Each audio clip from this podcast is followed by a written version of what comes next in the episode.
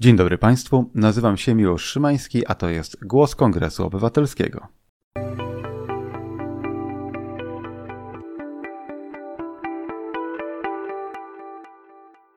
Dziś porozmawiamy sobie o interesach wielkich mocarstw, o globalizacji i ogólnie o wielkiej polityce. A moim gościem jest dzisiaj pan profesor Roman Kuźniar z Uniwersytetu Warszawskiego. Pan profesor napisał tekst pod tytułem Globalizacja a geopolityka i interesy wielkich mocarstw, a tekst ten jest częścią publikacji Kongresu Obywatelskiego poświęconej właśnie globalizacji i wielkim globalnym trendom. Zacznijmy od tego. Panie profesorze, czy możemy mieć nadzieję, że Rosja jako taka się jakkolwiek zmieni, nawet kiedy ta wojna się zakończy?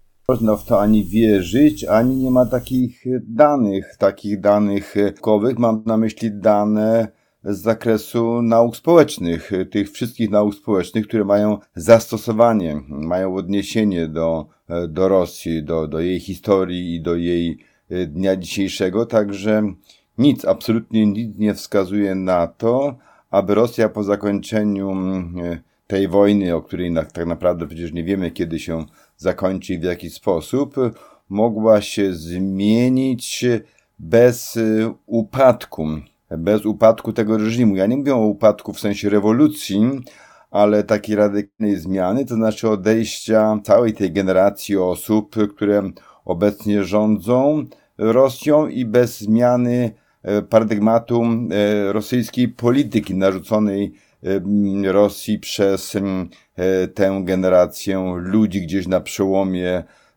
e, ostatniej dekady XX wieku i, i, i tego stulecia. Także nie ma zmiany w Rosji bez odejścia e, tej generacji ludzi, którzy rządzą Polską, rządzą Rosją od ponad 20 lat i bez zasadniczej zmiany, takiej jakościowej zmiany ich systemu politycznego.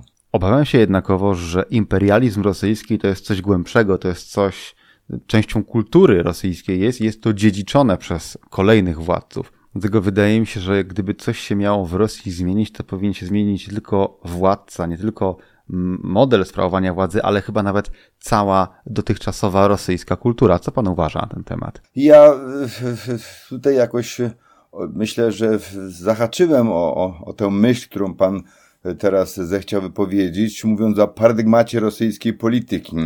Bo oczywiście częścią tego paradygmatu jest rosyjska kultura polityczna, mm, y, której powiedziałbym taką, jak powiedziałbym takim centralnym składnikiem jest wielkoruski szowinizm, jest ekspansji, terytorialny ekspansjonizm, y, jest powiedziałbym taki rys, który może, domyślam się, że może jak na język Kongresu Obywatelskiego zbyt, to jest zbyt mocne, ale ja pisałem o tym niedawno w Rzeczpospolitej, taki rys bandytyzmu, to znaczy takiej, takiej, takiej zamierzonej, zamierzonego, świadomego używania brutalnej siły w przekonaniu, że brutalną siłą można osiągnąć E, cele i że użycie tej siły pozostanie bezkarne z uwagi na, no, na cały szereg czynników, między innymi na, na wielkość Rosji. To jest rzecz, która, którą, którą notabene po raz pierwszy zauważył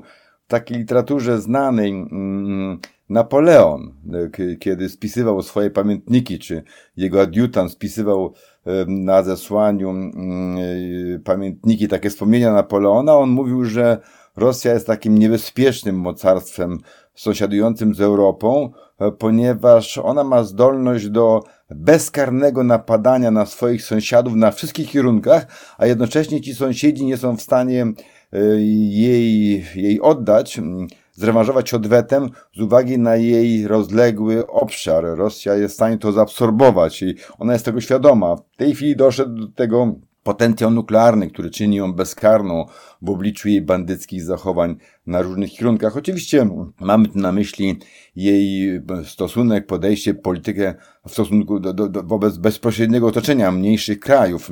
No ale o to jej chodzi, bo ona w ten sposób buduje swoją pozycję, swoją wielkość. Rosja, jak wiemy, pan o to pyta, mm, buduje swój autorytet w jej przekonaniu. Ten autorytet jest budowany mm, poprzez strach, jaki wzbudza u innych. Szacunek oznacza strach. Rosjanina Rosję szanujesz, jeżeli się jej boisz.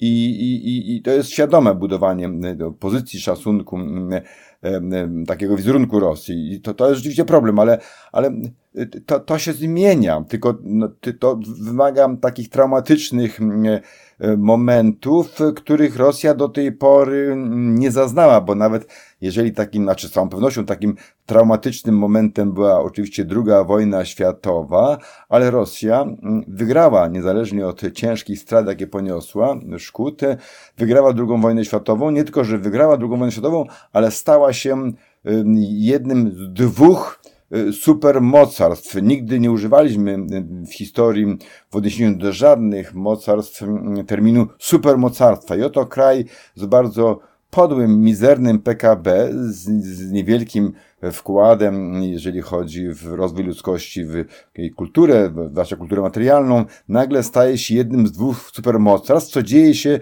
w związku z wkładem, jak Rosja, Sowieci wnieśli w, w, w drugą wojnę światową. I tak zostało. Bo proszę spojrzeć, Niemcy, kultura strategiczna Niemiec radykalnie się zmieniła po II wojnie światowej. Ta rzecz ma swoją e, rozległą literaturę, ta radykalna zmiana kultury strategicznej Niemiec, doświadczenie II wojny światowej.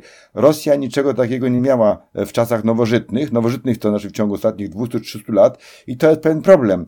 Wojna y, przeciwko Ukrainie stwarza taką szansę, y, taką iskierkę nadziei, pod warunkiem oczywiście, y, że Rosja tę wojnę dotkliwie przegra. Czy tak się stanie? Tego nie wiemy. Teraz w kontekście globalizacji zastanawia mnie taka rzecz, bo z jednej strony efekty, skutki tej wojny wpływają na nas wszystkich przez zwiększenie cen energii na przykład, czy żywności. Z drugiej strony bardzo wiele krajów ma interes w tym, żeby pomóc Ukrainie się obronić, ponieważ chcemy zatrzymania tego wzrostu cen, ale także odczuwamy jako obywatele świata pewną solidarność z napadniętym krajem. Ale jeszcze z kolejnej strony, można powiedzieć, mamy do czynienia z sytuacją, w której bardzo wiele krajów zachowuje się bardzo powściągliwie wobec Rosji, znów z uwagi na globalne powiązania gospodarcze. I w kontekście tego zastanawiam się, czy globalizacja jest czynnikiem, który zmniejsza szanse wystąpienia konfliktu, czy wręcz przeciwnie? To jest trochę tak, że ten, te wpływy Rosji, które Rosja w świecie ma w dalszym ciągu, Pan to bardzo trafnie zauważył i to jest pewien problem dla nas, dla świata zachodniego, a także innych krajów, które mm, starają się mm, zapanować nad tą wojną, pomagać Ukrainie, nie pozwolić Rosji na to, żeby ona tę wojnę wygrała. Jednocześnie jest wystarczająco wiele w dalszym ciągu krajów, które z tą Rosją, mówiąc takim językiem podwórkowym, no, trzymają, to znaczy Rosja z nimi w dalszym ciągu handluje, wysyła, kupuje. To jest takie otwarte okno, które powoduje, że Rosja pomimo jeszcze, nazwijmy to, nie upadła. Ale te wpływy Rosji w różnych częściach świata, one nie są związane z procesami globalizacji. To są wpływy mm, takie imperialnej, kolonialnej, neokolonialnej natury, bo to jest mm, eksport Rosji pewnych towarów, które są istotne dla tych krajów, a czy także pomoc mm, militarna, pomoc polityczna, dyplomatyczna, to sięga czasów sprzed globalizacji. To jest kontynuacja poprzedniej epoki, można powiedzieć, postawy niektórych krajów. Zresztą z tego powodu, jak wiemy, jest bardzo silnie krytykowany mm, przez wielu. Chodzi o postawę y, y, papieża Franciszka, prawda? Który wykazuje taką zadziwiające zrozumienie dla, dla Rosji, dla, dla, dla polityki rosyjskiej, a to jeszcze jest taka, taka niezrozumiała kontynuacja. To zresztą widzimy to także w Polsce, w niektórych innych krajach mm, europejskich. Rosja prze, przejęła dużą część sympatii takiej ideologicznej po, jako sukcesorka Związku Sowieckiego. Chociaż Rosja już nie jest krajem komunistycznym, socjalistycznym, przeciwnie jest krajem takiego agresywnego kapitalizmu, wielkich nierówności, krajem, którym rządzą politycy bandyci, oligarchowie, złodzieje. Pomimo tego, i to jest pewien paradoks, bardzo wielu ludzi lewit na przykład w dalszym ciągu wykazuje pewną sympatię dla Rosji jako spadkobierczyni Związku Sowieckiego i to, to dotyczy również różnych krajów byłego trzeciego świata i stąd ta obecna Rosja czerpie pewne wsparcie, pożytki materialne, ale także zresztą dyplomatyczne. Widzimy to po różnych głosowaniach w organizacjach międzynarodowych, ale to nie jest związane z globalizacją. Globalizacja raczej nam pomaga, znaczy stronie, która próbuje tę Rosję ograniczyć, ponieważ e, poprzez tę sieć powiązań wynikających z procesu globalizacji, Zachód ma w dalszym ciągu, znaczy ma, ma rozwinięte i będzie miał wpływy w różnych częściach świata, które wynikają z takich różnych powiązań charakterystycznych dla procesów globalizacji. Zresztą wystarczy spojrzeć na to, co się stało ostatnio na Bali w Indonezji. Mamy spotkanie G20, de facto G19, ponieważ rosyjski Ribbentrop, czyli Ławrow, ze wstydu znaczy nie wiem, wstyd to chyba nie jest dobry termin, ale nie chcąc słuchać tego wszystkiego, co tam na temat rosyjskiej polityki opowiadano i nie chciał także brać udziału w podpisywaniu czy przyjmowaniu tego komunikatu, który tam został przyjęty. Przypomnijmy, G20 to jest takie forum, które koordynuje procesami globalizacji, bo to jest forum gospodarcze, koordynuje, próbuje jakoś regulować procesy globalizacji, w szerszej skali międzynarodowej niż czyniła to wcześniej y, grupa siedmiu, G7, okresowo G8 z Rosją, ale y, jak wiadomo Rosja została wyrzucona z G8 po jej napaści na Ukrainę w 2014 roku. I tam proszę zauważyć, że ten komunikat tych czołowych krajów zainteresowanych kontynuacją procesami globalizacji, 19 krajów, włącznie z Chinami, ten komunikat jest niesłychanie dla Rosji nieprzychylny, nieprzyjazny, zawierają tam takie sformułowania, których Chiny by wcześniej nie, nie, nie, nie, na które by się nie zgodziły, a to dlatego, że Chiny zauważyły, że tam w tej grupie G19 znakomita większość krajów y, zdecydowanie krytycznie odnosi się do y, polityki rosyjskiej, do tej napaści Rosji na, na, na, na Ukrainę. Także myślę, że jeżeli chodzi w kontekście procesów globalizacyjnych, to, to y, powiedziałbym, one służą, pragnienie ich utrzymania służy raczej tym krajom, które próbują Rosję ograniczyć, które wspierają Ukrainę. W swoim tekście wspomina Pan także o imperializmie z przełomu XIX i XX wieku. I w kontekście tego zastanawiam się, czy imperializm i globalizacja stoją w opozycji do siebie, czy też mogą występować zupełnie równolegle, a nawet wspierać się nawzajem. Całkowicie e, ma Pan rację, tak było w przeszłości, kiedy globalizacja, imperializm to właściwie był ten sam proces, można powiedzieć. Oczywiście od strony y, y, treści to są rzeczy trochę inne, tylko że niestety mm, one się nałożyły z uwagi na na to, że w tamtym czasie mm, tę globalizację forsowały mocarstwa imperialne, to znaczy mocarstwa kolonialne, te, które rzeczywiście dysponowały koloniami w różnych częściach świata, mm, mm, gdzie mogły inwestować, gdzie mogły łatwo czerpać skąd surowce, tanie siły robocze i tak dalej. O tym to wszystko wiemy.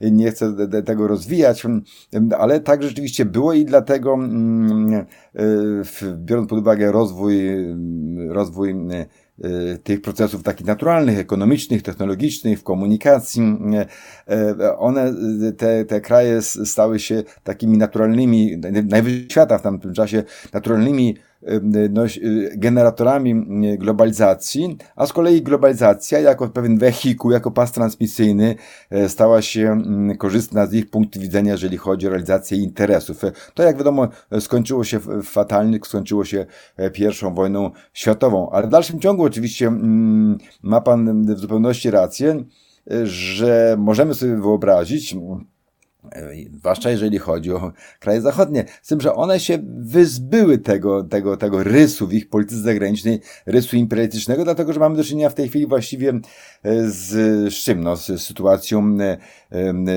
niepodległości wszystkich byłych kolonii. Przypomnijmy, że przed pierwszą wojną światową krajów niepodległych było skromnych kilkadziesiąt. Liga Narodów to jest raptem nieco ponad 50 państw założycielskich, prawda? Dzisiaj mamy na świecie, ale to już było po pierwszej wojnie światowej, w trakcie której e, część państw e, z innych części świata odzyskała, uzyskała niepodległość po raz pierwszy w swojej historii, czy od czasu podboju tych terenów, terytoriów przez e, kraje rozwiniętego Zachodu. Natomiast dzisiaj mamy 193 państwa i na świecie, przynajmniej mówię o tych państwach, które są w, w, w Organizacji Narodów Zjednoczonych, jeszcze jest kilka innych, które do ONZ-u nie należą i w związku z tym te relacje, które rozwijają się pomiędzy tymi najwyżej, najwyżej rozwiniętymi, a słabiej rozwiniętymi, które kiedyś rzeczywiście były po drugiej stronie tych procesów, one zupełnie inaczej wyglądają. E, po prostu procesy globalizacji, tak jak wtedy wyglądały, są zwyczajnie niemożliwe. Co nie oznacza oczywiście, że nie ma krajów silniej, słabiej rozwiniętych. E, globalizacja jednak, jak wiemy, w ciągu ostatnich kilkunastu lat przynajmniej okazała się o wiele bardziej korzystna dla krajów innych części świata niż dla Zachodu. Stąd e, powiedziałbym kontestacje w stosunku do globalizacji, których jesteśmy świadkami w ostatnich kilkunastu latach na Zachodzie. Wybór Donalda Trumpa na prezydenta Stanów Zjednoczonych był, powiedziałbym, takim najbardziej spektakularnym przejawem niezadowolenia obywateli, ludzi, społeczeństw zachodnich e, wobec tego, jaki obrót przyjęły kraje, przyjęły procesy globalizacji. Natomiast to pytanie, które pan stawia, ono mogłoby mieć, ale nie jesteśmy pewni jeszcze, jak te rzeczy się rozwiną, mogłoby mieć zastosowanie w odniesieniu do Chin. E, które globalizację rozumieją tak, jak rozumiały ją, jak prowadziły ją, generowały ją e, kraje zachodnie na przełomie XIX i XX wieku. Jak wiemy, w tamtym czasie to właśnie państwa, państwa z całym ich aparatem dyplomatyczno-militarnym, e, e, który był spleciony z interesami, z kołami wielkiej finansjery, wielkiego przemysłu, generowały globalizację. Podobnie jest w Chinach. To przede wszystkim rząd, państwo, koncerny, korporacje z nim związane, licencjonowane przez rząd chiński, władze Chin, partię komunistyczną, e, to są te, te, te koncerny, które są najbardziej umiędzynarodowione i Chiny rząd wspiera to.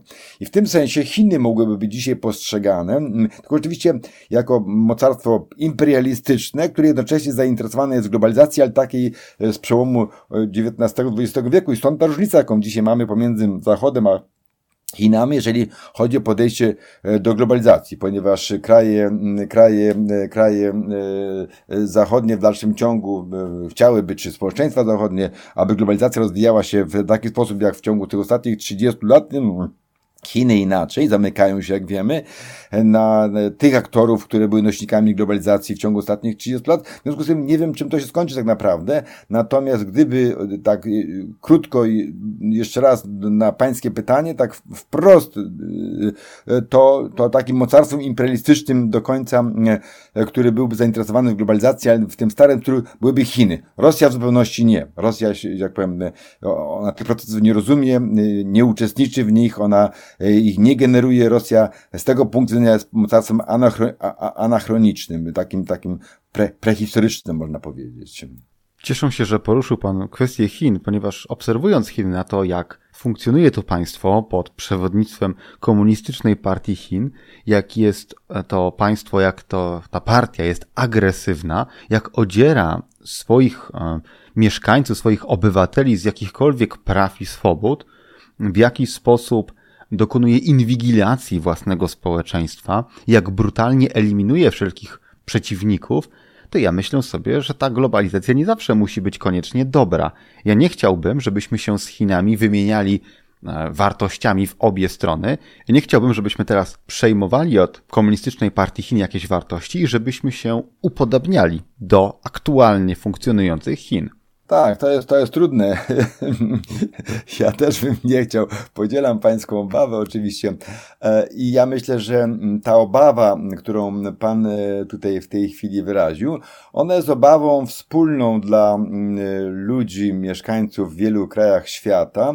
I to jest coś, co powoduje, że Chiny mają teraz bardziej pod górkę, bo Chiny przez dłuższy czas cieszyły się taką sympatią, zwłaszcza tego świata mniej rozwiniętego, ale także, jak wiemy, miały, korzystały z takiej taryfy ulgowej w krajach zachodnich, ponieważ Chiny potrafiły wmówić Zachodowi jakąś część odpowiedzialności za ich przeszły niedorozwój, za ich jakieś tam problemy. Mam na myśli interwencje krajów zachodnich, Stanów Zjednoczonych, Wielkiej Brytanii, Francji, właśnie z początku XX wieku. Znamy tę, historię. Chiny bardzo to boleśnie przeżyły i to, ten, ten kompleks, ale jednocześnie ten zarzut to oskarżenie wobec Zachodu było silne w, w, w, powiedziałbym, w tym, co dzisiaj się nazywa narracją, narracją Chin wobec Zachodu, także w procesach globalizacji, po to, żeby Chiny uzyskiwały pewne korzyści, pewną taryfę ulgową, pewne, żeby patrzeć na palce, no jeżeli chodzi o ich zachowania,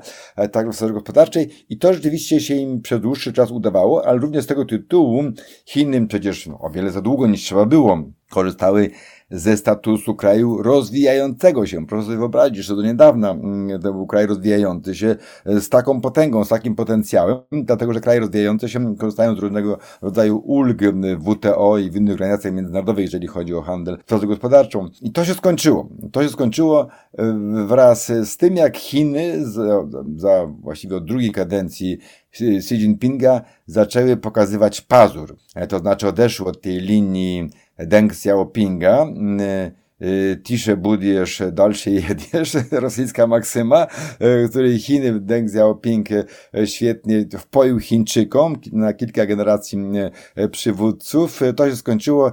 Chiny uznały, tak jak głosi znane polskie hasło, teraz kurczę my, prawda? Teraz kurczę my, już nadszedł ten czas, już dłużej nie będziemy się chować e, ze swoimi ambicjami, pragnieniami. Teraz już jest nasz czas, chcemy zająć, jak mówi Xi Jinping już od dobrych paru lat, należne nam miejsce na scenie międzynarodowej. Nie ukrywają, że to ma być miejsce numer jeden w świecie, ale jednocześnie Chiny rozwinęły swoje kontakty ze światem. Początkowo wiele państw rządu uważało, że to jest bardzo dobre, bo jest alternatywa wobec właśnie tego neoimperializmu czy postimperializmu, jakkolwiek to nazwę w takich kategoriach ideologicznych w tych relacjach Zachód, kraje, kraje byłego trzeciego świata.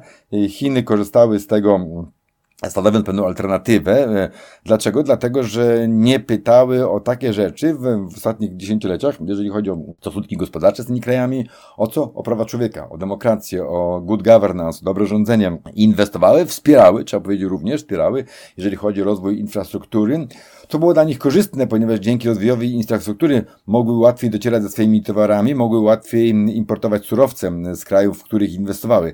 Ale teraz w wielu krajach, zwłaszcza w Afryki, tam rządzący zaczynają się łapać za głowę, prawda? To jeszcze gorzej niż E, w relacjach z białym człowiekiem, e, z krajami e, wysoko rozwiniętego zachodu, Europą. To jest taki proces, który w tej chwili, powiedziałbym, się dopiero pojawił, te, te, te takie, takie, takie postawy, tego typu rozumienie, czy zdawanie sobie sprawy z tego, że Chiny nie są wcale takie niewinne, czy nie są wcale takie lepsze jak, jak Zachód, który nad nimi to eksploatował, wyzyskiwał, no podbijał te kraje w XIX czy na początku XX wieku. No więc rzeczywiście to się zmienia, ale w dalszym ciągu, i stąd pańska obawa i obawa wielu osób na świecie, Chiny dysponują gigantycznym potencjałem, gigantycznymi w międzyczasie rozwiniętymi wpływami w krajach także Europy Zachodniej. Widzieliśmy tę wizytę kanclerza Scholza niedawno w Chinach, silnie krytykowaną e, przez niemiecką opinię publiczną, dopuszczenie, prawda, chińskiego przedsiębiorstwa Skarbu Państwa w, w, do, do portu w Hamburgu i tak dalej, i tak dalej. To, to, to, to mówiono, że, że, że Niemcy, Scholz popełnia ten sam błąd, co wcześniej Merkel, jeżeli chodzi o Rosję, prawda, to znaczy za korzyści gospodarcze uległość polityczna. Myślę, że, że Berlin wyciągnął pewne wnioski, to, to nie będzie tak, tak łatwo, ale dobrze, że został ostrzeżony. I myślę, że tutaj te, ta, ta taryfa ulgowa dla Chin się skończyła, zwłaszcza, że mm, to, to nie tylko jest to, o czym mówiłem wcześniej, prawda? Kiedy Chińczycy powiedzieli Xi Jinping, teraz, teraz my, prawda? Teraz nasza kolej. Y, przecież kiedy Donald Trump mówił, że wypowiadał się głośno na forum ONZ, pamiętam to przemówieniem, parokrotnie wymieniał globalizację jako taki proces odpowiedzialny za, za różne nieszczęścia w samych Stanach Zjednoczonych. Powiedział, że będziemy się zamykać na globalizację, teraz suwerenność, nie pozwolimy na to i na tamto. Chińczycy natychmiast powiedzieli, tak, to teraz my. Teraz my, my, jest, my chcemy być motorem, maszyną, będziemy opiekunem procesu globalizacji, ale na ich sposób, to znaczy taki, który daje im jednostronne korzyści. Jednak w procesach globalizacji kraje zachodnie były niebywale szczodrem, wspaniałomyślne. Mam na myśli zwłaszcza otwartość rynku, dostęp do technologii, siły roboczej, cały szereg rzeczy, co, na czym korzystały inne kraje świata. One się fantastycznie podciągnęły w ciągu ostatnich 30 lat. Świat w całości, zwłaszcza kraje słabiej rozwinięte wcześniej, nigdy tak szybko nie poszły do przodu w swojej historii, jak w czasach drugiej globalizacji. Chińskie spojrzenie jest inne.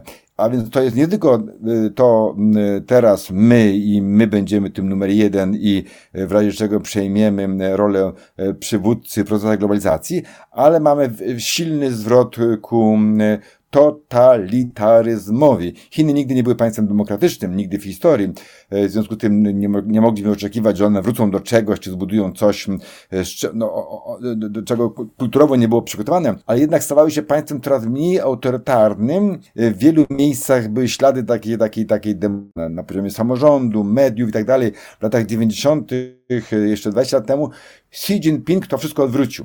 Mamy do czynienia z powrotem do państwa totalitarnego, kultu jednostki, władzy centralnej. Ten ostatni zjazd był tego przejawem, to, że on sobie przedłużył władzę na kolejną, trzecią kadencję, co jest wbrew tradycji przyjętej od czasów Deng Xiaopinga, to zaczęło niepokoić zarówno rządy, polityków, jak i społeczeństwa, opinię publiczną w różnych państwach świata i to z całą pewnością gra na niekorzyść Chin, jeżeli chodzi o ich rolę, ich wpływ e, na dalsze oblicze przebieg procesu globalizacji. Na koniec chciałbym pana profesora zapytać, jaką przyszłość wieszczy pan dla globalizacji w takim krótkim, średnim horyzoncie czasowym, czyli powiedzmy w ciągu najbliższych kilku lat? To jest, to jest bardzo trudne pytanie. Ja jestem bardziej optymistyczny, jeżeli chodzi o globalizację w dalszej perspektywie, ale mamy do czynienia w tej chwili z takim zatrzymaniem z takim okresem, kiedy czasem jest, że rzeka płynie, a później wchodzi w takie katarakty, w takie jakieś, jakieś tam się pojawiają, prawda, różnego rodzaju przeszkody e, w, w, w tym, jak ten nurt sprawnie do tej pory płynął i ona, ona, ona zwalnia, tam gdzieś jakieś, jakieś pojawiają się wodospady, zatrzymuje, wzbiera e, te, tego typu rzeczy, można powiedzieć, i to jest taki, taki, taki okres, przez który my w tej chwili płyniemy jako proces globalizacji, trudniejszy, bo załamał się, czy załamuje się właściwie liberalny porządek międzynarodowy, bo mamy mm, tę e, rolę Chin nową, bo wypada z gry Rosja, która wprawdzie nie uczestniczyła jako generator globalizacji, ale uczestniczyła mm, jakoś, trzeba powiedzieć, poprzez przyzwoite, normalne stosunki z Zachodem w stabilizowaniu ogólnej sytuacji politycznej na świecie, a ta stabilność polityczna globalna była niezwykle istotna dla rozwoju procesu globalizacji. Także Rosja, nawet jeżeli nie uczestniczyła w procesach globalizacji w tym sensie ekonomicznym, technologicznym, komunikacyjnym, transportowym. Oczywiście oni jednostronnie wyciągali korzyści, zwłaszcza oligarchowie, Rosjanie jeździli na, na wczasy w różne miejsca i bardzo dobrze się czuli Natomiast e, nie wkładała, jeżeli chodzi o, o, o, jej model rozwoju gospodarczego czy społecznego. W związku z tym mamy ten problem w ciągu najbliższych paru lat. Nie wiemy, że tak powiem, w którą stronę to się, to się, to się przedrze, że tak powiem, bo w tej chwili mamy takie, przedzieramy się przez takie przeszkody naturalne, stworzone poprzez te wszystkie zmiany, jakie się nagromadziły. I, I w związku z tym to pewnie będzie w dalszym ciągu tak trochę buksować, przyspieszać, to będzie niestabilne, e, to będą e, różnego rodzaju zahamowania, blokady, ale powiedziałbym to spotkanie na Bali, które miało miejsce w ostatnich dniach, ono z punktu widzenia procesu globalizacji było bardzo mm, pozytywne, pożyteczne. Nawet to porozumienie amerykańsko-chińskie, bardzo wyraźnie, prawda, że oni znaleźli wspólny język, jeżeli chodzi o, o to, że, że, że, że, że potrzebna jest praca gospodarcza, że one nie mogą, te dwa państwa, konfrontować się w taki sposób, który by przeszkadzał rozwojowi jednego i drugiego kraju. Owszem, one się inaczej rozwijają, ale nie idziemy na zderzenie, prawda, bo to, co byłoby groźne dla procesu globalizacji, to, to zderzenie amerykańsko-chińskie. Pamiętamy jeszcze parę lat temu bardzo modna była pułapka Tokidydesa, jako taki wytrych dla wyjaśniania stosunków amerykańsko-chińskich. Ja byłem od samego początku sceptyczny czy krytyczny wobec tego, tego. To było takie dosyć mechaniczne